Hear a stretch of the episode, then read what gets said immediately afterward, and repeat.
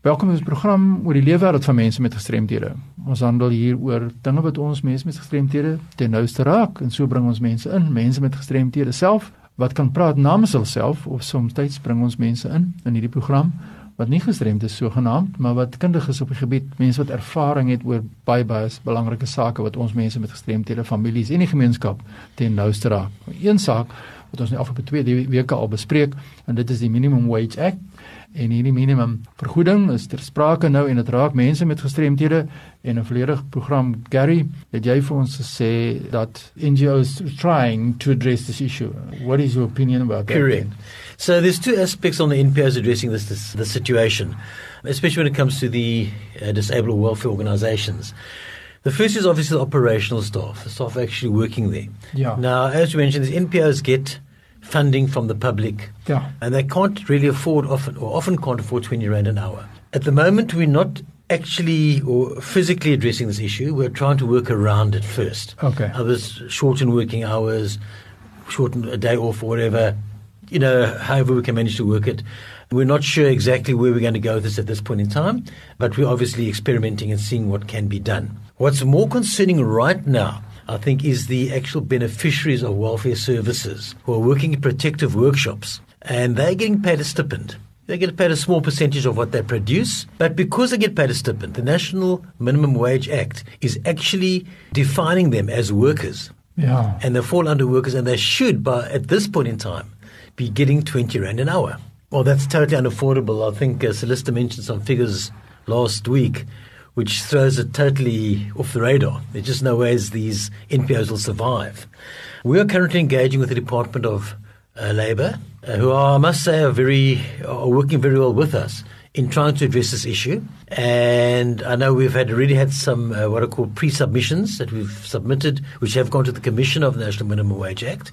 Um, have, not, have not yet had any feedback, but right now we're busy getting further information from the welfare organisations that are working on this program in order to put facts and figures and an impact study together so we can present that to the Department of Labour in order to try and get um, the beneficiaries of these services redefined as beneficiaries in terms of the Social Welfare Act as opposed to workers in terms of the National Min Minimum Wage Act. So let's say julle seker baie dankbaar dat daar kundiges is soos Gary wat na vore kom om die NGO sektor te help oor hierdie baie sensitiewe sake, is dit nie so nie? Absoluut. En ehm um, veral die feit dat Gary is al 'n ou hand in die bedryf en hy werk nou saam met Michael Bygrim So ek is baie bly dat ons hom aan ons kant het om hierdie hierdie um inisiatief vir ons te dryf. Ja, natuurlik uh, Gary Shokend, ons het uh, voorreg om jou te hê by ons in die program. Dankie. oor die leefwêreld van die gestremde want ons het mense wat kundig is nodig om ook hierdie publiek in te lig behalwe die werk wat jy nou in die NGO self doen. Ons het grootste waardering vir die feit dat jy betrokke is by hierdie baie belangrike saak. Nou goed, ons het twee aspekte hier, twee aspects, uh, the employees and then the workshop issues. And uh, Celeste previously explained the importance to for a better understanding regarding the structure and the operation of the specific workshop and the implications has been explained. But there is a thing like applying for exemption. And what is your opinion about that? Uh, what is it entails? Okay, so correct. Applying for exemption, first of all, according to the Act, If exemption is granted, the employer will only receive a 10% reduction in the minimum wage. So they'll still have to pay 18 Rand an hour. So the impact or the savings are not going to be that great at all. The applications are pretty cumbersome. Yeah. It will involve an audit. It will involve submitting a lot of information, a lot of your, your figures, etc., etc. So it's a cumbersome process. If you can even get through on the Department of Labour's um, online service in order to apply for the application. Yeah. For beneficiaries of welfare services, we are trying to get a total 100% exemption by reclassifying them or redefining them as beneficiaries of social of welfare services in terms of the Social Welfare Act rather than as workers as defined by the National National Minimum Wage Act.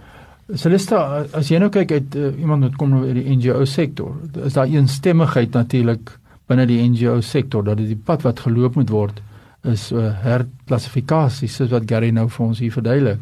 Ja, nee definitief van nie. en ek dink maar ek dink tog tog nog steeds in 'n groot mate is daar onkundigheid in die NGO sektor oor wat die omskrywing is van 'n werker, van 'n werknemer binne in die werkplek. Ja, ek het byvoorbeeld verlede week met iemand gesels en toe ek vir die persoon vra, "Wil jy nie vir ons deel wees van hierdie inisiatief nie?"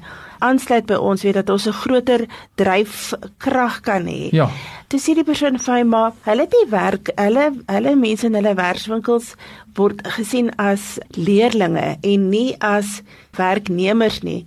En dit verduidelik ek vir hom maar volgens die wet enige voordeel wat hulle kry word hulle geag as 'n werknemer. So ek dink dit is iets wat wat die NGO sektor ook moet verstaan. Ja, dis is hoe ons 'n beroep doen op die NGO sektor. Ons hoor nou wat sê Gary vir ons oor hierdie kwessie van die herklassifikasie wat daar gepoog word om plaas te vind, maar intussen is die proses van die wet in die gang en mense moet uh, aansoek doen om hierdie exemptions soos dit hier staan dan te kry. Intussen tyd gaan die onderhandeling aan. Volgende week wil ek gesels met Celesta en Gary weer verder want dan moet ons kyk na okay, kom ons kyk dan aan die proses. We look at the process for applying for exemption and what NGOs know about the and the beneficiaries uh, as far as this issue is concerned. So baie dankie dat julle saam met ons gekyk het as jy inset wil maak of 'n vraag nou het oor wat is die situasie in jou werkplek? Hoe hanteer jy werknemers, werkers, studente met gestremthede in jou fasiliteite? Is dit nou die tyd om 'n e-pos te stuur aan my by fani.dt@mweb.co.za. Let weer, net ek het meld, ek is nie regskundige nie, maar ons kan die inligting versamel en deurgee aan mense wat die kundigheid oor hierdie saak het. Ons groet eers tot volgende week.